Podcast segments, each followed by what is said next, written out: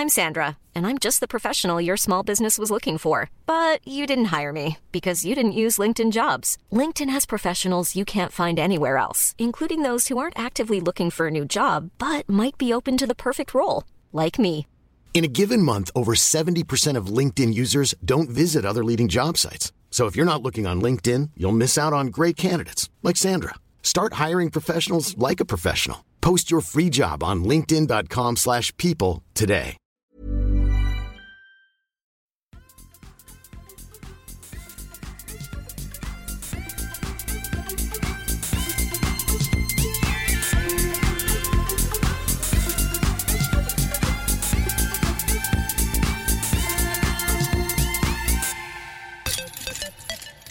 Hej Bullen. Hej. Jag är en kille på 38 vårar. Men du spelar väl inte in nu? Jo. Hej vänner ute i Discgolf Sverige! Nu är vi tillbaks med ett nytt avsnitt i Kedja ut, en podcast om discgolf. För fel på dig. Det är inget fel på mig. Jag är ju Du ska säga prima tillsammans med mig. Jag gör den här discgolf-podcasten tillsammans med Elina Rydberg och Tommy Bäcke. 60-talet ringde och vill ha sin radioröst tillbaks. Ja, Northvolt ringde och ville ha sina batterier tillbaka också för att de tog slut. Ja, nu är vi tillbaks. Hur mår vi? Bra. Superbra.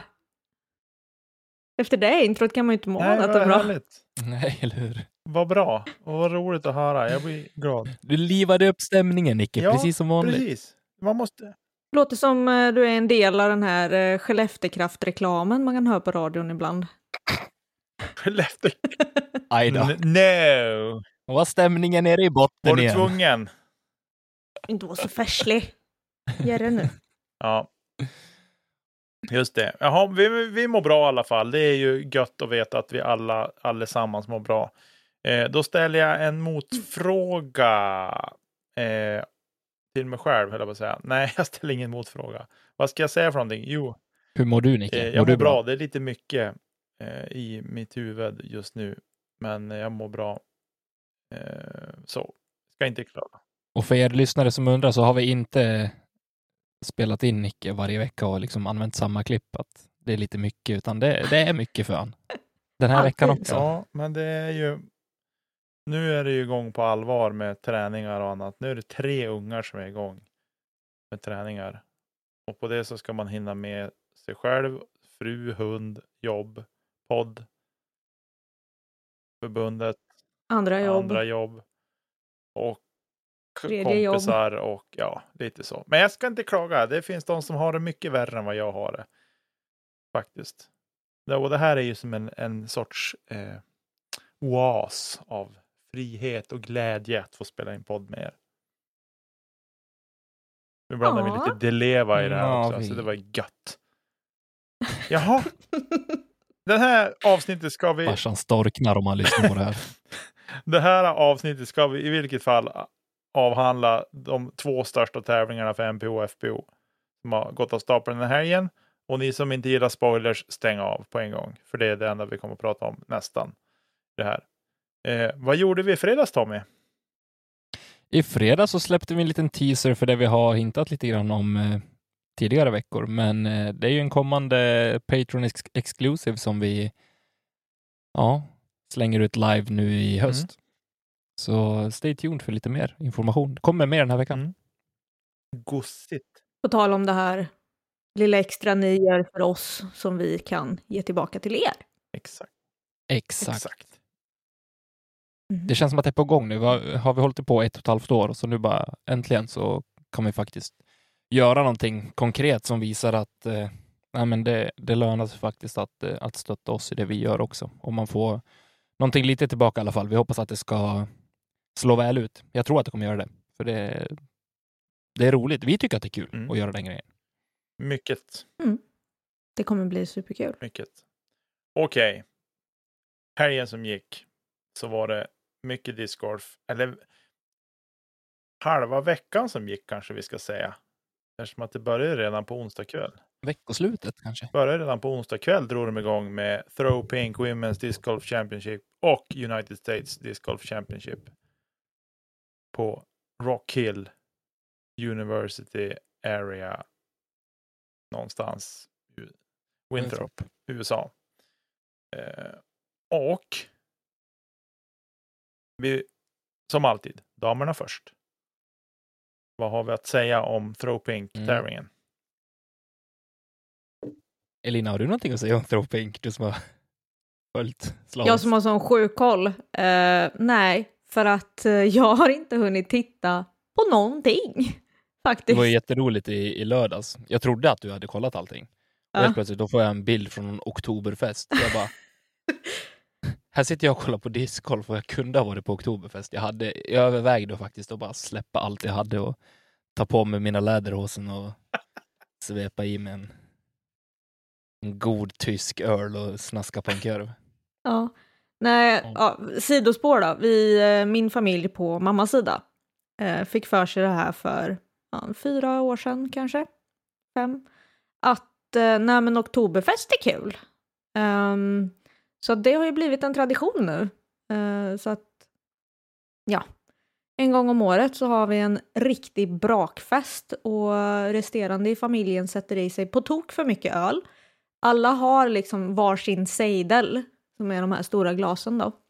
Mhm. Ehm, och ehm, nej, det är en trevlig tillställning.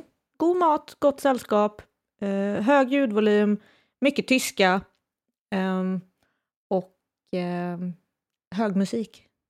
Sån här riktig ompa-ompa eh, musik.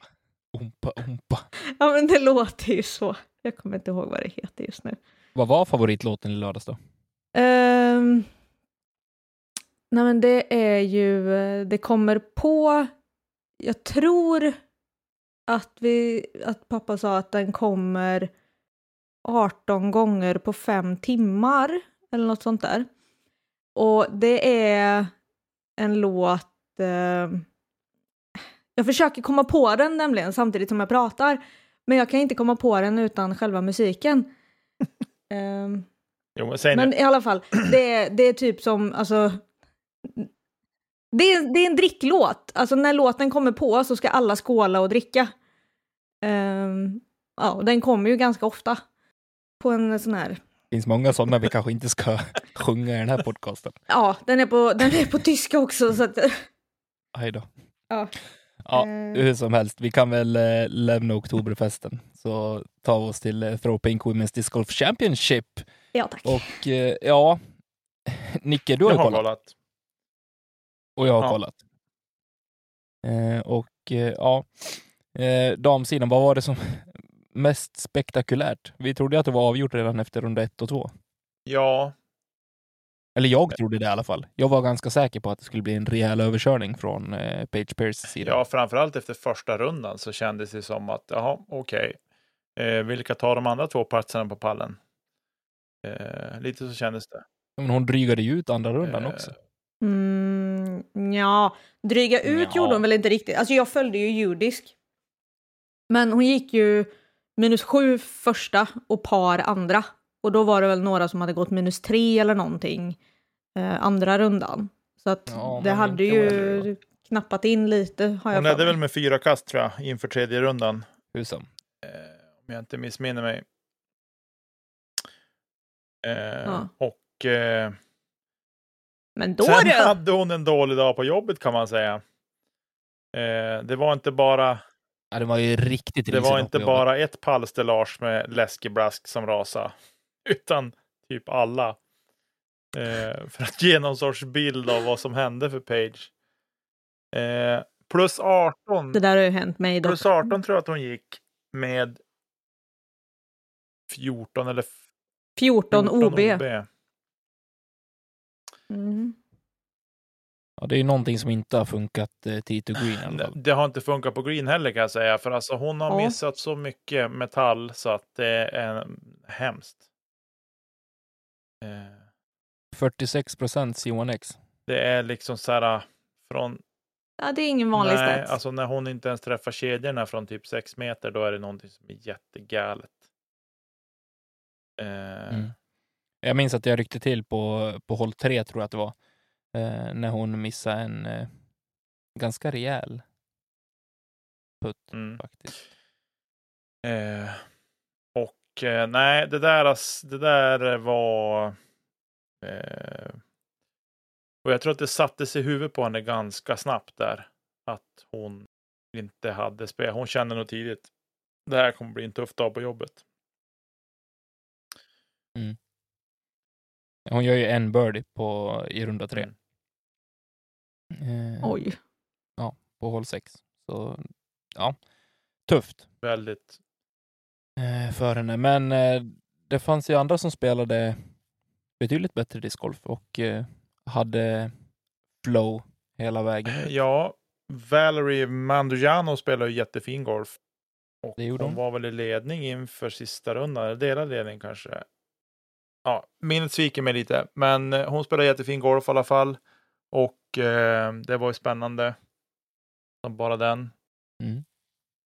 Och det skulle bli stafett eh, för Valerie Mandiano mot eh, Missy Gannon och från Chase Card Missy Gannon. Mm. Nej, Mm. nu ljuger jag. Nu ljuger jag. Hon gick på Chase Card andra rundan, eller tredje Eh, rundan. Missy Gannon spelade på sam... Ja. Precis, och fjärde rundan så var det Kona som spelade Ja. Chase Card. Mm. Eh, och det var hon som tog andra platsen till slut. Mm. Eh, efter att ha spelat riktigt bra sista rundan. Och eh, Missy spelade helt, alltså helt felfritt. Jag var så, alltså jag tappade hakan. För hon spelade så, men jag vet inte vad ska jag säga, moget på, till en kvinna på den nivån. Eh, när hon ändå spelar på yttersta världselit. Eh, men hon spelade väldigt, väldigt bra. Det syntes inga nerver. Eh, Det var bara ett leende efter varje kast hon, hon hade gjort och det gjorde mig väldigt, väldigt glad att se. Mm. eh, På det. Samtidigt som eh, Valerie spelade okej. Hon spelade inte jättebra, men eh, hon sumpade lite grann på håll 17 sen när hon missade, missade ön då. Eh, och tappade till en tredje plats tillsammans med Sarah Hokom och Hailey King. Mm. Eh, och, så Missy Gannon, ja, hon rodde hem det där ganska komfortabelt, kändes det som. Även om det inte var många kast hon vann med. Hon vann med två kast eh, totalt över Kona och eh, tre kast över eh, resterande tredjeplatstagare. Eh, men känslan var att hon hade koll på läget hela vägen ut. Mm. Ja, hon spelar så fruktansvärt stabil golf Alltså, faktiskt. Det var det som etsade sig fast Mm. hos mig, att hon spelar Alltså, så otroligt. jag bara Stabilt. gjorde en... eh, Jag eh, kommer att tänka på en sak. Utav de fem som är i toppen Mm. så är det ju ingen annan än Hailey som är en av de här distanskastarna. Nej. Kona, ja, till viss del kastar ju hon långt. Men Valerie är ju inte en... Inte Valerie, jag skulle inte säga att Missy är en av distanskastarna. Sarah är ju verkligen inte på distans. Det är lite lustigt. När man tänker på det. Att eh, alla de som verkligen bombar men kanske sprider lite mer visar sig ju nu längre ner i resultaten. För att det är en sån typ av bana. Jo, men då, kan, då har de eh, flera obekast också. Distanskastarna ja. Ja. Japp, Ja, för att de exakt. inte kan hålla sig på, eh, på fairway. Exakt. Det är fem OB-kast på Katrin Allen till exempel. Det är sex OB-kast på Page Pierce. Varav eh, två hål så är det två OB-kast eh, Mm. under sista rundan. Mm. Eh, så ja. Samtidigt så har vi Heather Young som absolut inte är en av långkastarna som inte heller håller sig på fairway. Så jag vet inte vilka slutsatser man kan dra av det. De pratar mycket om det innan, att, eh, att distansen är kanske mer kritisk att ha eh, på damsidan än på herrsidan. Men jag vet inte om jag håller med om det riktigt. Uppenbarligen att- inte på den här banan. Nej, eh, för att jag tror att det är, det är mer psykologiskt att spela den här banan för att det är så mycket, nu säger jag som Nicke brukar säga om Åsbo, men det är så mycket OB. Men från, mig, från mitt perspektiv som åskådare så är det mycket osynlig OB. Jag har inte varit där och sett banan, jag vet inte hur linjerna går. Det är jättesvårt att se på, på coverage också.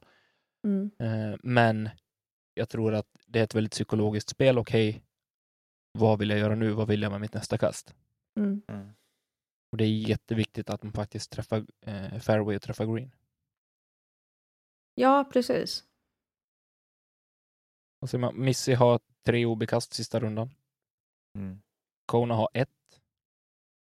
Eh, Sarah Hokom har ett. Så det är ju, de är ju lägre i OB-hits än eh, ja, övriga fältet.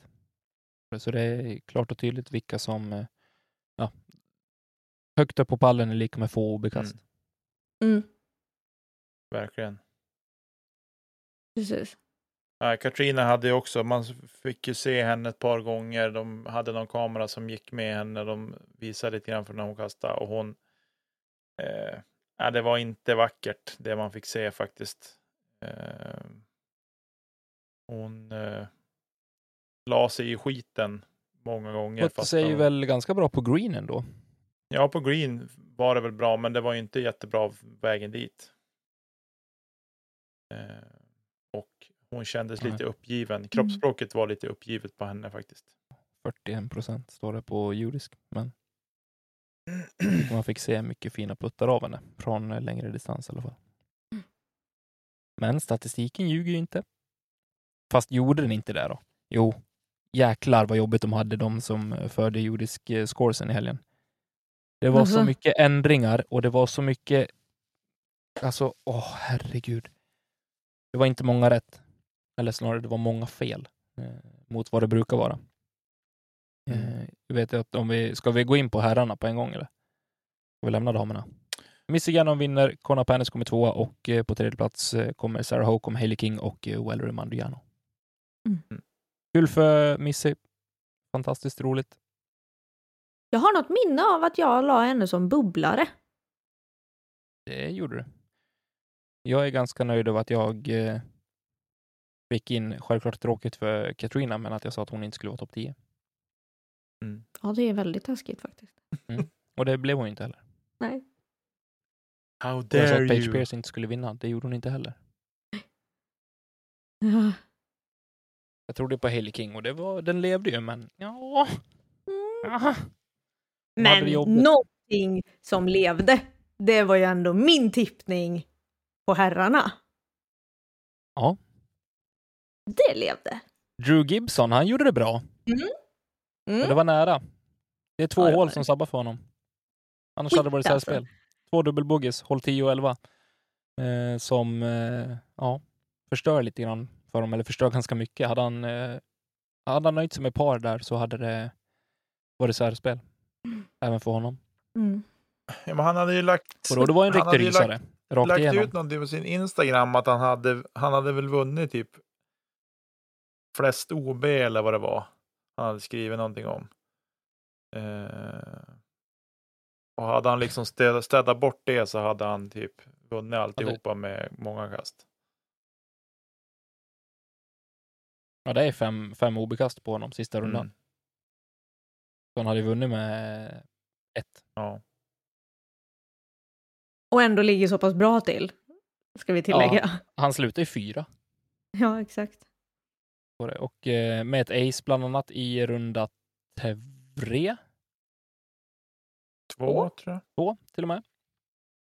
Eh, på hål sju, samma hål som Anthony Barella också aceade. Mm. Så de fick ju splitta på, var det 25, var det 2500 dollar? Helt okej. Ja. Tror jag. Ja, det, det fick de splitta på. Eh, Ja. Jag tycker att det kanske det borde gå till den som gör det först. Men Mm. ja.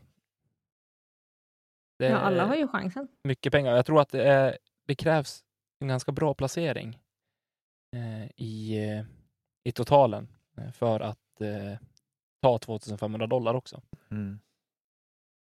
Jag ska snabbt ta fram det här om ni bara vill berätta er känsla från eh, här sidan. Ja, alltså det var ju så himla gulligt för att... Eller ja, gulligt. Det var snällt var det. För att jag satt ju mitt upp i den här oktoberfesten och fattar ju när jag tittar på telefonen efter typ någon halvtimme eller så. Men jag har hundra missade meddelanden från er. Att, hmm, okej, någonting händer här. Uh, och sen så får jag meddelande från uh, Mattias som bara ah, “Tittar du på, på liven eller?” Jag bara “Nej, jag sitter här, här på Oktoberfest”. Han bara Ja, men jag kör, jag kör kommentering till dig så får vara med för det blir särspel nu. Bara okej, så. Eller först så frågade han ifall, han- ifall vi skulle dela kontot. Jag bara, men jag kan inte sitta och titta nu liksom, det går inte. Så han började skriva som fasen och bara så här live-uppdaterade på vad som hände. Jävla roligt. Eh, man skulle ha komma femma eller fyra för att vinna mer pengar än 2500 dollar. Okej. Femman tog eh, 2467 dollar, men det var några stycken på femte plats också. Mm. Eh, så ja, det gör man klart på en dag liksom, på ett hål. Så, tacksamt. Mm. Klart. Eh, I övrigt så skulle det ju bli en sån jäkla dramatik. Alltså jag trodde att det skulle... Åh herregud. Jag, jag har aldrig varit så nervös när jag har tittat på discgolf hela mitt liv. Jag mådde så psykiskt dåligt. Worlds Worlds, var en ganska säger jag bara. Ja, fast jag sov då. Det är ju förbjudet att sova. Det var inte jag. Ja, Ja, men, speciellt fyra på morgonen. ja exakt. Men eh, nu var klockan inte fyra på morgonen och jag har aldrig varit så pigg i hela mitt liv. Mm. Eh, utan jag, jag satt på nålar och eh, det hände saker. Joel Freeman gick för det. Han var med och slogs. Chris Dickerson, ja, han var med ett tag. Han tappade lite mycket efter en dubbelbogey på hål 10. Eh, jag tror till och med att eh, Eagle gjorde en run. Han var uppe på leaderboarden i alla fall. Eh, men framförallt så skulle det handla om Rookie Wysocki, Kyle, Kle- Kyle Klein och eh, Paul Macbeth. Eh, där eh, Ricky total skiter ner sig på hål 15 och gör en dubbelbogey. Mm, Han har aldrig nej. puttat så dåligt i hela sitt liv. Särspelen en, eh, mot Ford möjligtvis då. han missar, jo precis, ja men det var inte ens en putt, det var ett dåligt upplägg. Eh, han, eh, han missar eh, mandot, eh, det är ett trippelmando på hål 15.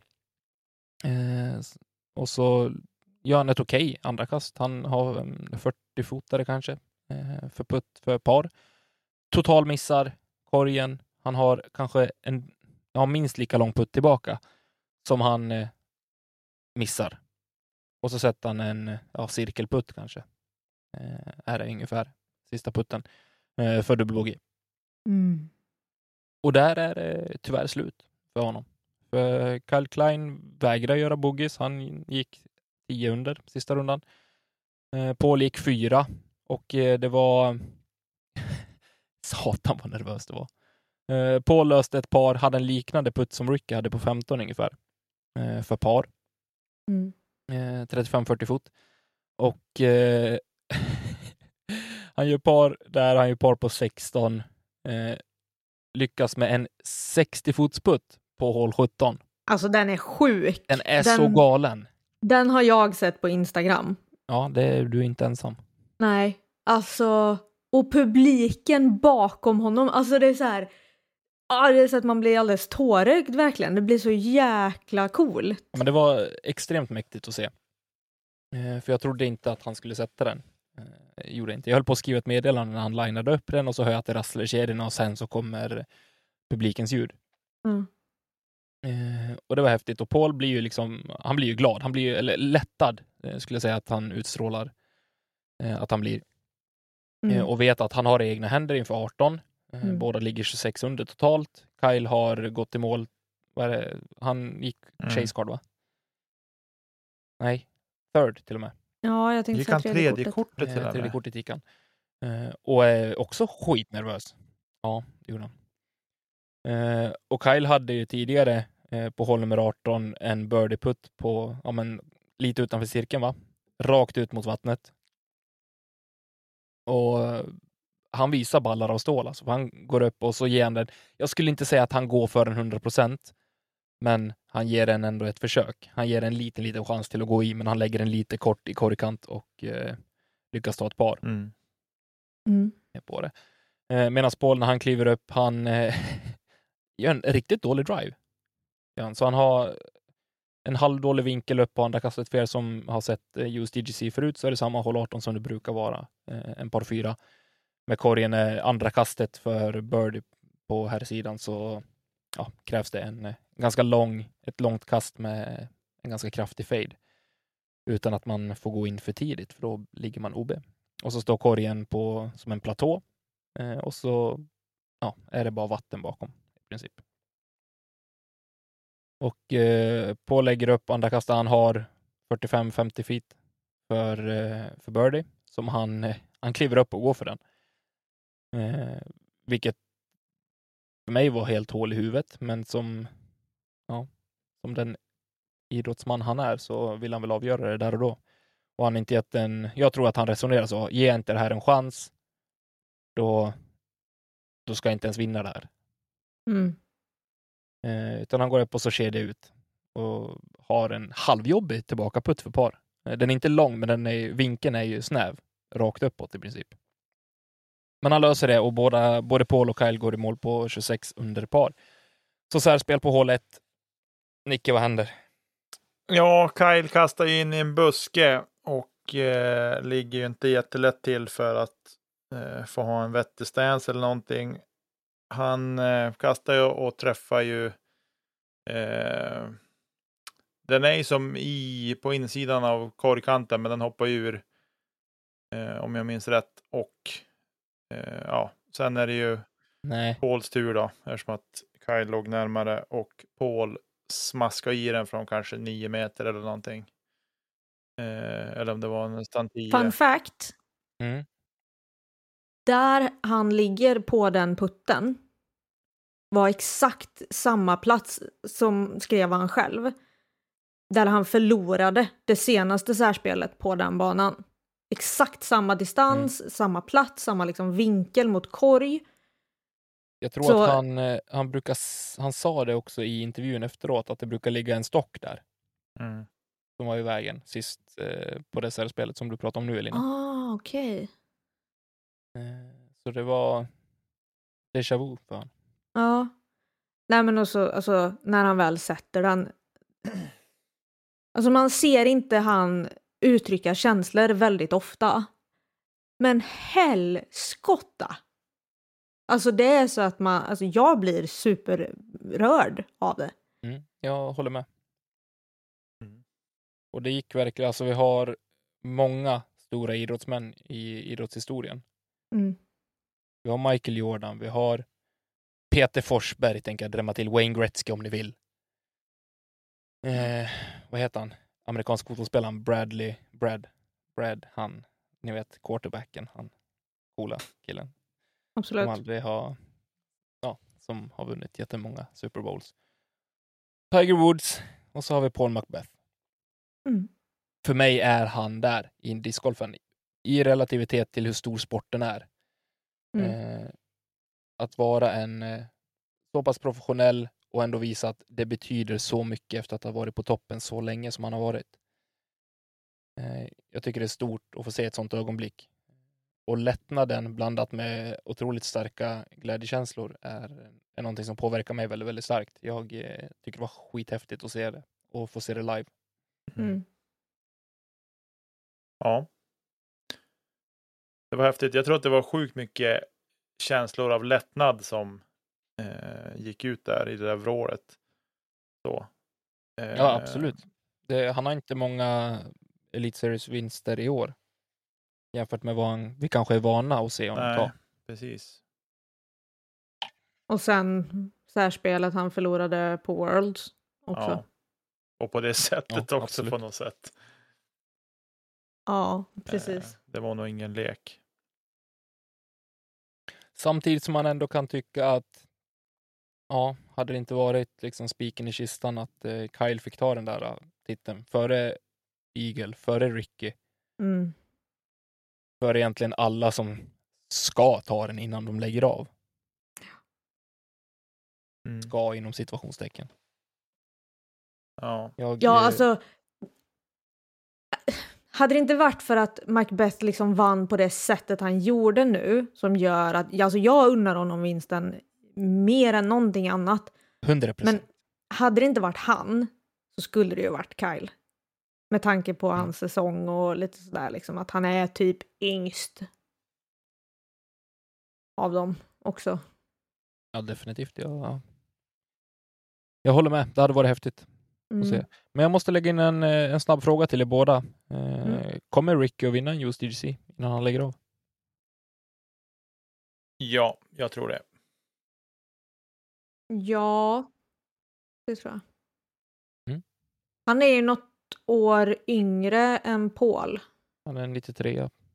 Ja, precis. Då är han tre år yngre än Paul. Ehm, jo, det tror jag. Det tror jag han kommer göra.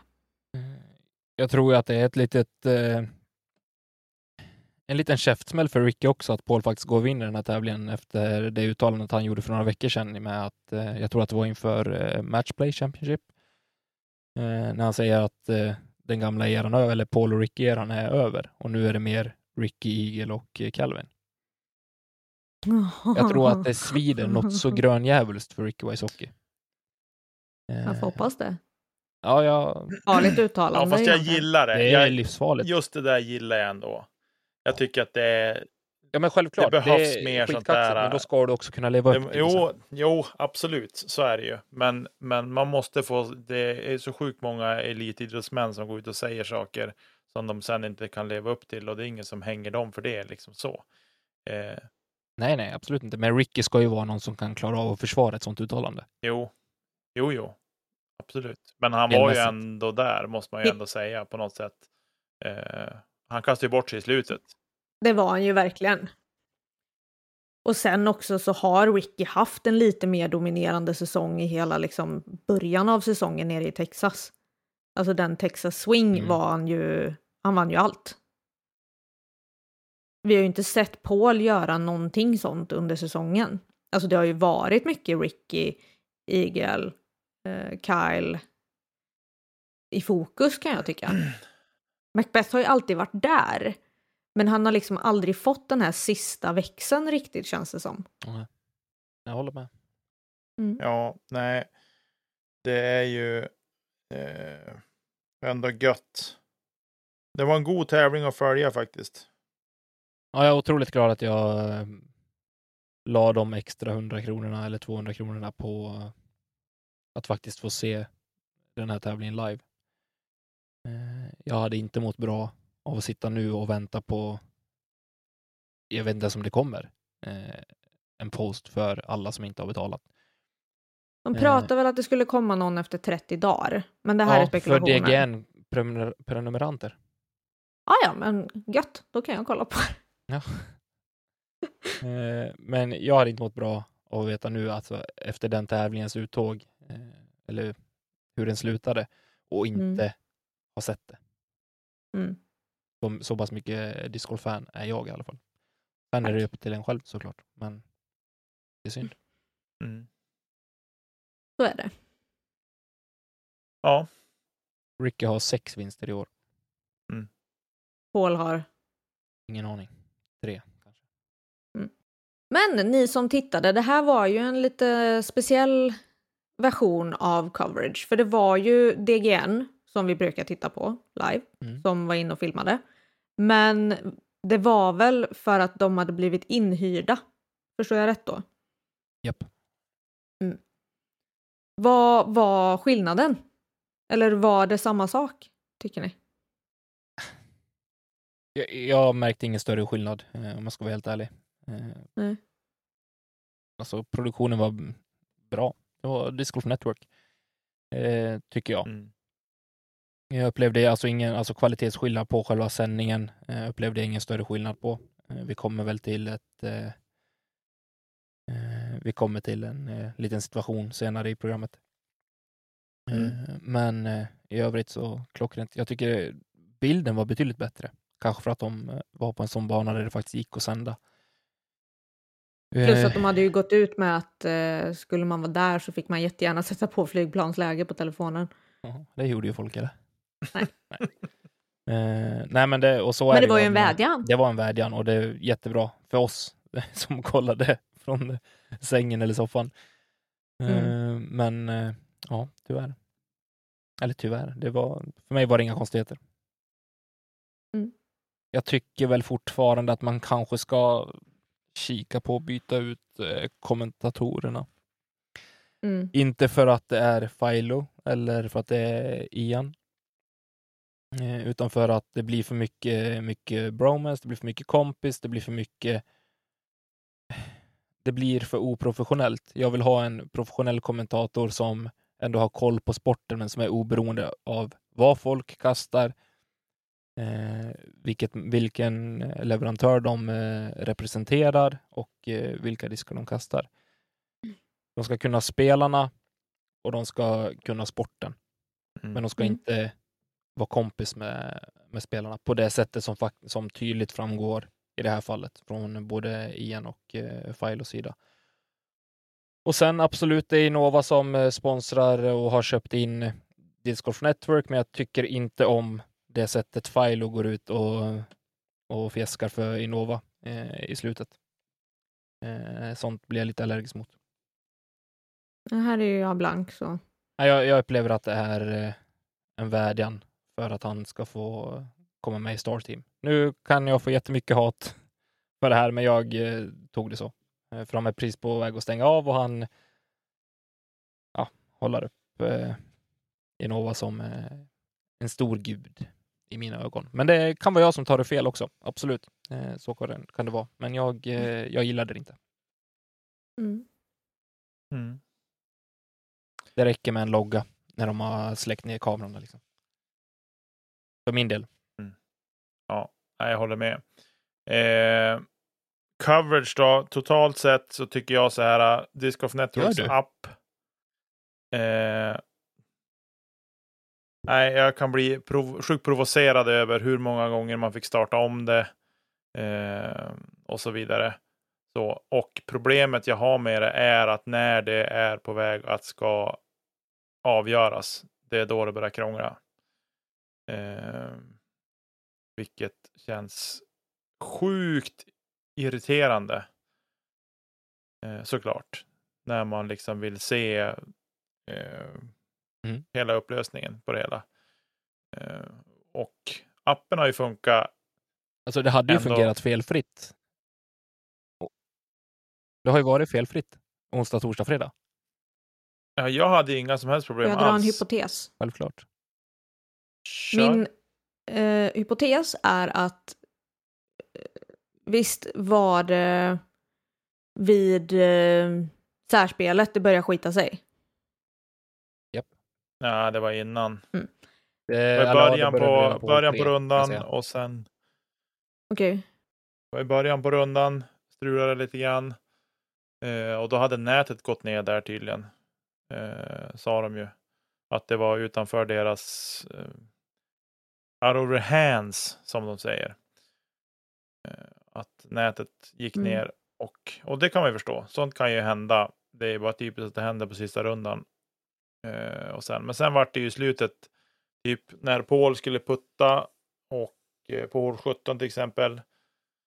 Eh, och hela den upplösningen. Jag hade väldigt hackigt i slutet där, så det slutade med att jag stängde ner appen och drog igång datorn istället för att få se upplösningen den vägen. Och det här är väl, Mm. det var inte så många som lyssnade till, det var inte så många som lyssnade till det här med att ha telefonen i sin flight mode till exempel. Nej, och det är väl lite det jag vill komma till. Alltså vid hål 17, Paul står inför en avgörande putt för hela tävlingen. Det är klart folk vill eh, filma eller lägga upp det på sociala medier. Man vill ju vara först liksom med den händelsen. Mm. Och sen så fortsätter det ut hela särspelet. Och det är det som krävs. För att vad jag förstod så var det rätt mycket folk. Och tittar man liksom på, på det som DGN har lagt upp eller på eh, det som eh, Paul har delat. Alla står med sina telefoner Mm. och försöker liksom få en del av det här. Och jag tror det var det som, som eftersom det var, det var så tydligt liksom att det var sista dagen, det var i slutet. Nu folk bara säger fuck it, jag ska ha det här. Men det påverkar ju uppenbarligen sändningen väldigt, väldigt mycket då. Det var roligt hon som stod och, och filmade men inte tittade i kameran. Som ett jäkla proffs verkligen. Ja. Man vill ju uppleva det nu, där och då. Men hon Men ville man vill ha det film... Exakt! Istället för de som liksom står och glor igenom telefonen. Alltså på riktigt bara, men kul att se det därifrån. Du står liksom 20 meter ifrån Macbeth. Nej, men då skulle du titta genom telefonen. Smart kille. Mm. Ja. Nej, det var en liten känga till det som hände sen, vem som eh, ansvaret ligger på. Absolut, vi fick mejl dagen efter, eller om det var senare på kvällen, att eh, de fortfarande undersöker liksom vad som har hänt för att inte ska undersöka igen. Vilket jag är jättetacksam över. Eh, inför nästa säsong, att de faktiskt jobbar på att ska bli bättre. Och jag vill tro att de faktiskt gör det också. Eh, till skillnad från många andra. Får köpa in ett cell tower. Ja, men det är de eh, post coverage. Eh, nu höll jag på att säga något dumt. Ja, de som tycker om post coverage. De jublar ju när det här händer. Och det, Mm. det gör inte jag. Och så blir man sur för att det inte finns post på det. Nej, det fanns ett sätt att se tävlingen på. Det Mm. finns ja, två om 30 dagar. Eh, det Möjligen. att köpa den live och sen om man är Disc Golf Network prenumerant, då ser man det post coverage på Disc Golf Network. Eh, och det för mig lite grann till en, en diskussion som var på eh, en Facebook-sida i, eh, i helgen. Att det inte fanns eh, någon coverage på det. Och det skrämmer mig lite grann eh, hur folk uttrycker sig. Eh, eller att man kanske inte inser Ja, jag vet inte hur jag ska förklara mig utan att eh, trampa folk på tårna, men det skrämmer mig att folk, vissa folk inte förstår vilka resurser och vilka pengar som faktiskt läggs ner på att eh, få det här gjort. Och någonstans måste ju faktiskt sporten börja och bygga upp ett, ett bra, om man säger, ja, men eh, ett bra sätt att faktiskt sända discgolf live på. Mm. Om fem år kommer inte vi kunna sitta och kolla på efterproducerat material på Youtube. För att världen och sporterna kommer ha kommit mycket, mycket längre än så. Mm. Och jag vägrar att sitta och liksom, vi har varit inne på det här förut, men jag vägrar att sitta på och vänta på eh, en ihopklippt video. För jag vill uppleva sport live, där och då det händer. Eller så nära Mm. det händer med buffringar och fördröjningar. Men också, varför ska det här vara gratis? Undrar jag. Ja, men det ska ju inte vara det. Alltså, okej, vi drar en parallell lite snabbt.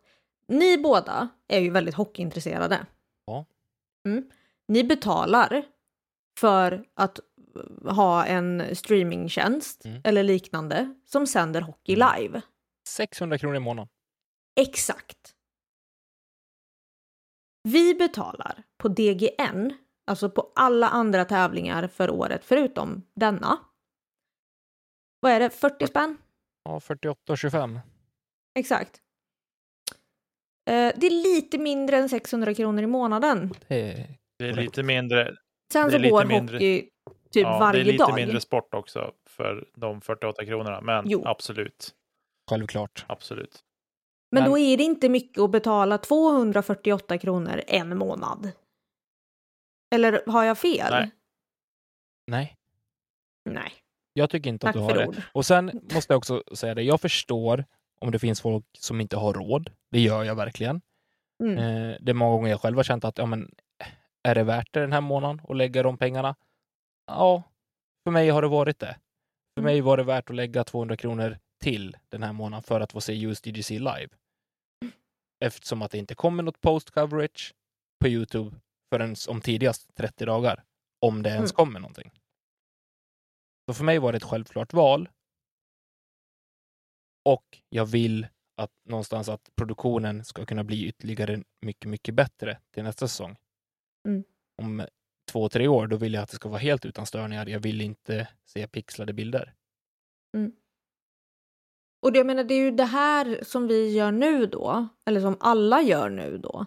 Det är ju det som ska till för att man ska komma vidare, för att DGN ska ha råd och resurser för att faktiskt utveckla sin produktion. Mm. Jag menar, hur länge har inte Jomes hållit på? De har hållit på svinlänge nu. 2012 tror jag. Ja, och de är bäst på marknaden på Post. Ja. Jag vågar påstå det. Men de gör det inte live. Nej. Och där kommer mitt Exakt. problem in. Exakt. Så att alltså det, det, det är svårare att göra live. Jag, jag förminskar inte vad Jomes gör. Det är vansinnigt att sitta i den farten de gör Mm. och få ut en post production. Men live är här och nu. Mm. Du kan inte göra fel på en live. Om, om en av eh, Jomes-killarna glömmer att trycka räck på ett kast, då är det två andra som har det Mm. kastet. Mm. Skulle någon eh, ja, glömma bort sig eller att man inte kopplar över kameran som de gör, för allt det sköts ju här och nu. Mm. Och det ska kommenteras live. Du har inga retakes på vad du säger eller någonting sånt. Det, det är en annan utrustning som behövs. Alltså det är så mycket grejer. Jag vet inte vart jag vill komma med det, Mm. men det är liksom man betalar för att sporten ska växa och komma framåt. Ja, men Så att fler kan ta del av det och för att det ska bli Jo. bättre. Att vi ska kunna jo, ta del jag av håller med till 110 procent och jag kan bli, ju mer jag tänker på det här, jag släppte det där ganska fort, men ju mer jag tänker på det så blir jag så sjukt provocerad av det, för jag tror att det här blir någonting som vi får med oss ut av att eh, ett av de saker som vi säger när vi pratar om discgolf, det är enkelt att komma igång, det är billigt att komma igång eh, och så vidare. Alltså man Mm. kan köpa två diskar för 200 spänn och sen är man igång liksom. Och 200 spänn är ju ingenting kan man ju tänka för att hålla på med en idrott så. Eh, det är när det bara, Men jag tror att många, många glömmer ofta perspektivet eh, och ser det, vad, vad är det faktiskt jag får och vad är det jag gör och vad är det jo jag men vill. det är det jag menar att vi, Mm. vi säger att det är en billig sport och då tycker man att då ska allt vara billigt som har med sporten att göra. Allt. Allt ska vara billigt. Mm. Det ska vara billigt att titta på det, det ska vara billigt att tävla i det, det ska vara liksom, allt ska vara billigt. Eh, men det är ju inte så. Man kan säga att innebandy är också billigt i början. Du kanske får en klubba av någon, du kanske har ärvt skor av ett äldre syskon. Eh, och kläder har du ju Du förhoppningsvis. kanske har fått... Liksom. Och då, Exakt. då är du igång där också.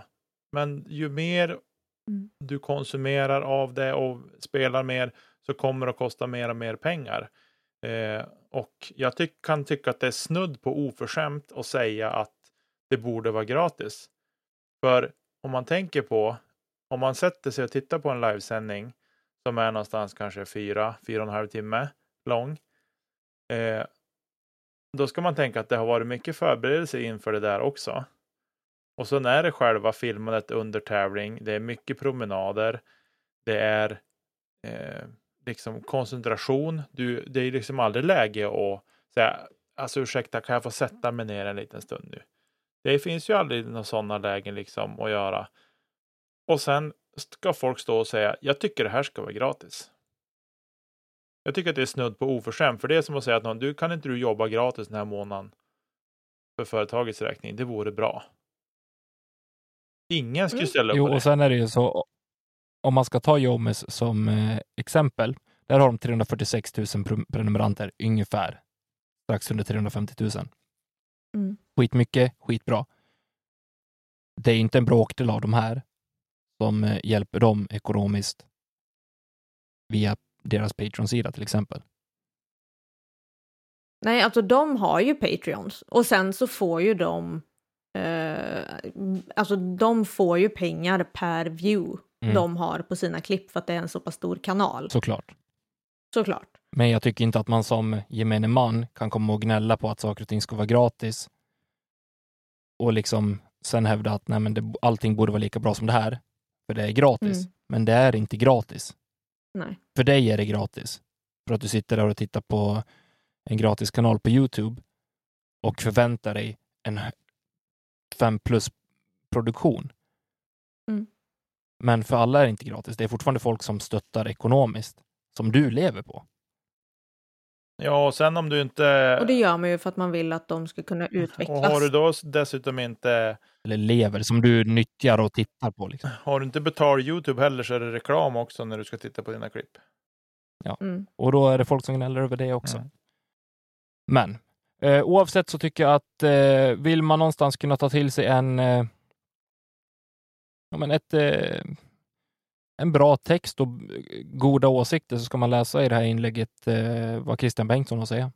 Eh, för han, jag tycker han eh, ha en väldigt nykter syn på det hela och liksom förklara sakligt vad det, hur det faktiskt kan ligga till. Så där är jag, jag är team Bengtsson. Team Bengtsson. Vi tackar för att det finns folk som faktiskt kan uttrycka sig ordentligt. Här sitter jag och bara babblar och gnäller. från oss. Jag önskar att jag hade förmåga Ja, men jag, jag önskar att jag hade förmågan att bara sakligt kunna förklara saker och ting. Jag önskar att jag kunde suga åt mig all information och kunskap som bara fanns på fem sekunder. Mm. Men jag är inte förmö förmögen att göra det. Så vill man någonstans ha snäppet betydligt bättre än vad jag har uttryckt mig nu, då kan man läsa vad Christian Bengtsson har att säga. Jag trodde du skulle säga det bara, ja men jag är inte Bengtsson. Nej, det är jag inte heller. Och det vet vi. Jag kan inte kasta putter som Bengtsson, ja. Ingen som kan. Men sista innan vi hoppar in i eh, vårt eh, lilla samtalsämne, så vad var det som etsade sig fast hos er i, efter helgens tävling? Eh, Det jag har sett på Instagram. Från PDJ Rodman, eller? Ja, typ. Nej, men det är väl eh, Pauls eh, särspelsputt, skulle jag vilja säga. Mm. Den har jag tittat på många gånger. ja. eh, för mig var det nog på damsidan så var det Mrs stabila spel sett över hela tävlingen eh, som jag tar med mig från den här och sen Pauls eh, putt på hål 17. Eh, Mm.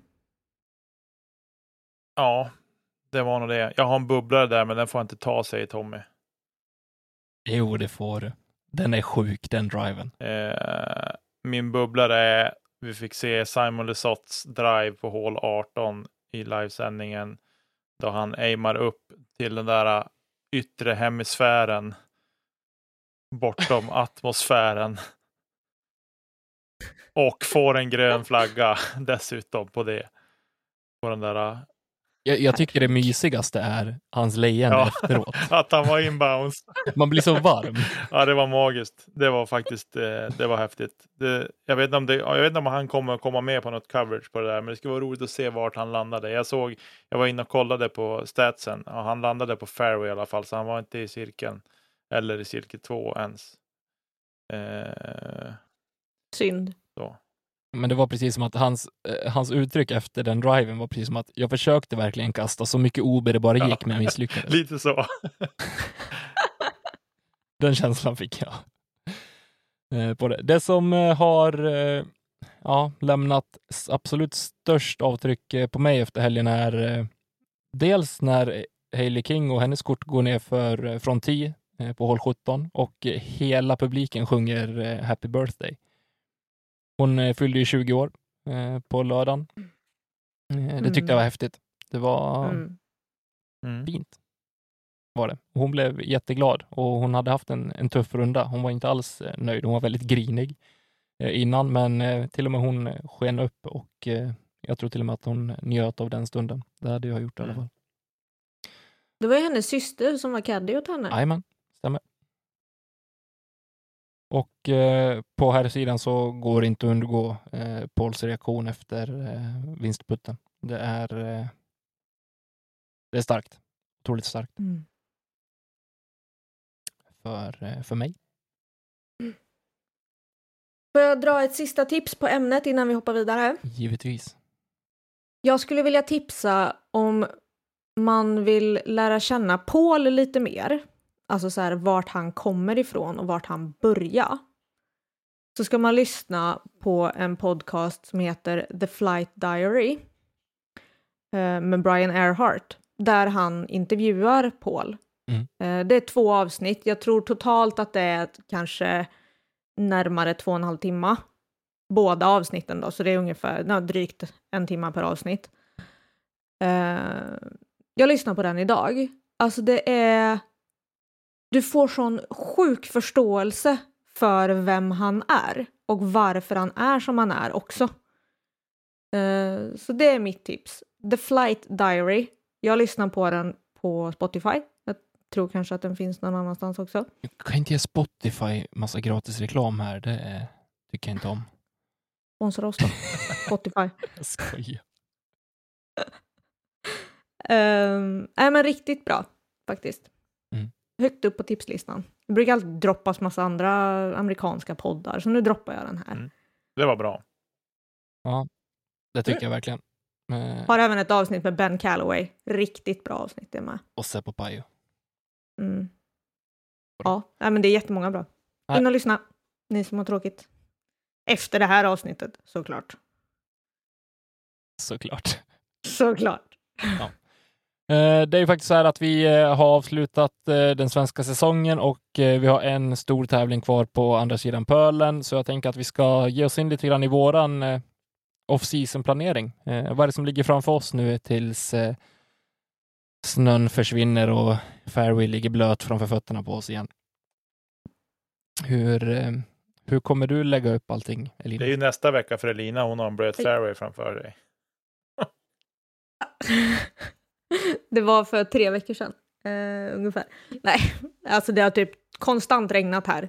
Skittråkigt. Jag har kastat en gång sedan Falköping och då fältkastade jag bara.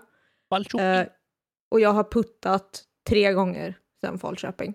Så man kan säga att jag har gått in i högsäsongens lågsäsong.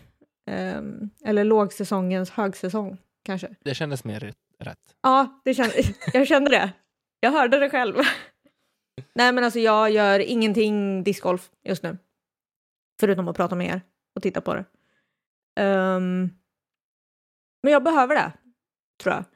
Mitt fokus nu är uh, att gymma, uh, faktiskt. Och uh, försöka hitta matvanor som jag kommer kunna fortsätta med förhoppningsvis. Ehm, och även förbereda mig inför ja, men lite så här hur jag ska tackla nästa säsong. Alltså planen för nästa säsong är påbörjad. Men just nu så, så involverar den inte diskar. Ehm, jag vill försöka lägga en stark grund för att slippa de här skadorna som jag hade i slutet av säsongen. Skador, men alltså jag hade besvär eh, som gjorde att jag inte kunde leverera så som jag ville. Så att klassisk gymträning i alla dess former av eh, alla delar av kroppen. För nu ska den här lilltösen bli stark. Ska ni veta. Hon ska bli stor. Mm, nej, kanske inte stor, men jag ska bli stark. In i bängen. Taget. Ja, tack. Nicke då? Men det medför ju också att man är ju öm över hela kroppen. Alltså mina lår är så stumma så att när jag ska gå upp och ner för trappan på jobbet så håller jag på och avlider. Det är dumt. Men det är kul. Nej, det är inte kul. Mm. Det är dumt. Ja, det är dumt. Det är, det är vansinnigt dumt. Eh, men det går väl över efter en stund. Ja. Just det. Ja, jag har väl, vad har jag för fokus på off-season? Eh, det är nog lite samma som med Lina, få lite bättre styrka i kroppens alla olika delar känner jag. Eh, och sen försöka jobba lite grann med timing och sånt. Eh, faktiskt. Det är väl det jag har tänkt och drivingträna framför allt. På något sätt. Jag vet inte riktigt hur, men på något sätt har jag tänkt att jag ska göra det. Eh, så. Det är väl min plan med off-season. Sen hålla igång puttningen såklart om det går också att lösa på något vettigt sätt. Det är väl min plan. Tommy då? Mm. Funderar lite grann var jag ska börja. Jag känner att jag är inne i ett ganska bra flow, både resultatmässigt och eh, träningsmässigt. Det som eh, inte är så bra, det är min kropp. Den är eh, totalkörd i botten känns det som.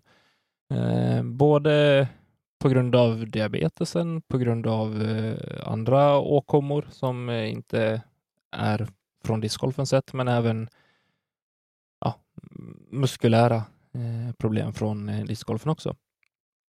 Eh, jag satt igår och gjorde upp en budget för eh, tävlingssäsongen 2022. Planerade in de tävlingarna jag vill spela och eh, ut några brasklappar för vad jag kan tänkas tävla i för övrigt också. Eh, så det var ju som steg ett egentligen. Eh, vill jag fortsätta spela discgolf? Vill jag fortsätta tävla? Svaret var ja. Då var det där jag började. Eh, idag är det måndag, va? Yes, när vi spelar in det här. Idag så gick jag på mitt matschema som jag brukar göra under vintern. Många brukar köra den här Beach 20 någonting. Jag är ju alltid som bäst tränad och mest strippad på vinterhalvåret. Eh, Det är då man har ork och tid. det är då man har tid, ork och... eh, Lust. Ja, exakt. Eh, Så jag kommer lägga stor fokus vid det i eh, två, tre veckor framöver innan jag går på eh, styrketräningen. Jag kommer att eh, träna hypertrofi, det vill säga muskelbyggande träning, för att det är det jag tycker är kul. Jag kommer även att lägga in lite explosivitet, speciellt på underkroppen.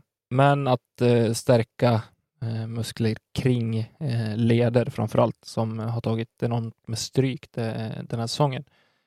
Eh, jag har tappat väldigt mycket på, eh, i distans på min forehand. Eh, jag har tappat kontinuitet i min backhand eh, och jag känner att det sitter i, i styrkan eller i ja, styrkan för kroppen att hålla ihop eh, genom alla rörelser. Eh, Så mycket, mycket små muskler eh, ska tränas upp och eh, bli starka så att de orkar, håll, orkar hålla grejerna på plats. Mm. Men sen ska jag inte hymla med att jag gärna vill slänga på mig ett kilo muskler eller så. Faktiskt. Bara för att se lite bättre ut. Kunna bära upp mina nya pikéer. Ja, Ja, för du ser så fruktansvärt illa ut i dina nuvarande PG-er. tack så mycket.